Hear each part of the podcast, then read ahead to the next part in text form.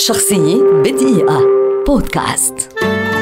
حلمي باكر ملحن مصري كبير ولد عام 1937 لأب عاشق للفن ويجيد العزف على آلة الناي.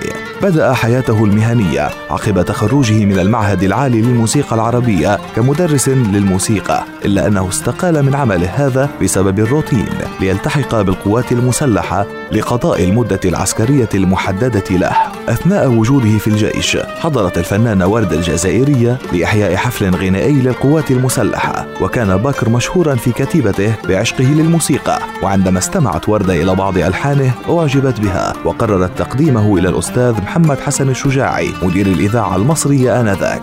قام حلمي باكر وقتها بتلحين أغنية كل عام وأنتم بخير التي أعطاها له الشجاعي وحققت نجاحا كبيرا. ثم قام بعد ذلك بتلحين أغنية لا يعيوني للمطرب ماهر العطار.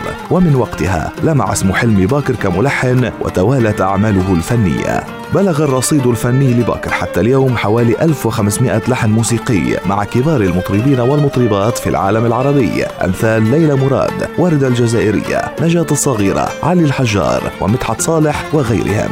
كما قدم نحو 48 مسرحية غنائية أشهرها سيدتي الجميلة حواديت موسيقى في الحي الشرقي. كما كان له اليد الطولة في اكتشاف العديد من المواهب الغنائية المصرية اللامعة اليوم على الساحة الفنية. شخصية بدقيقة. بودكاست.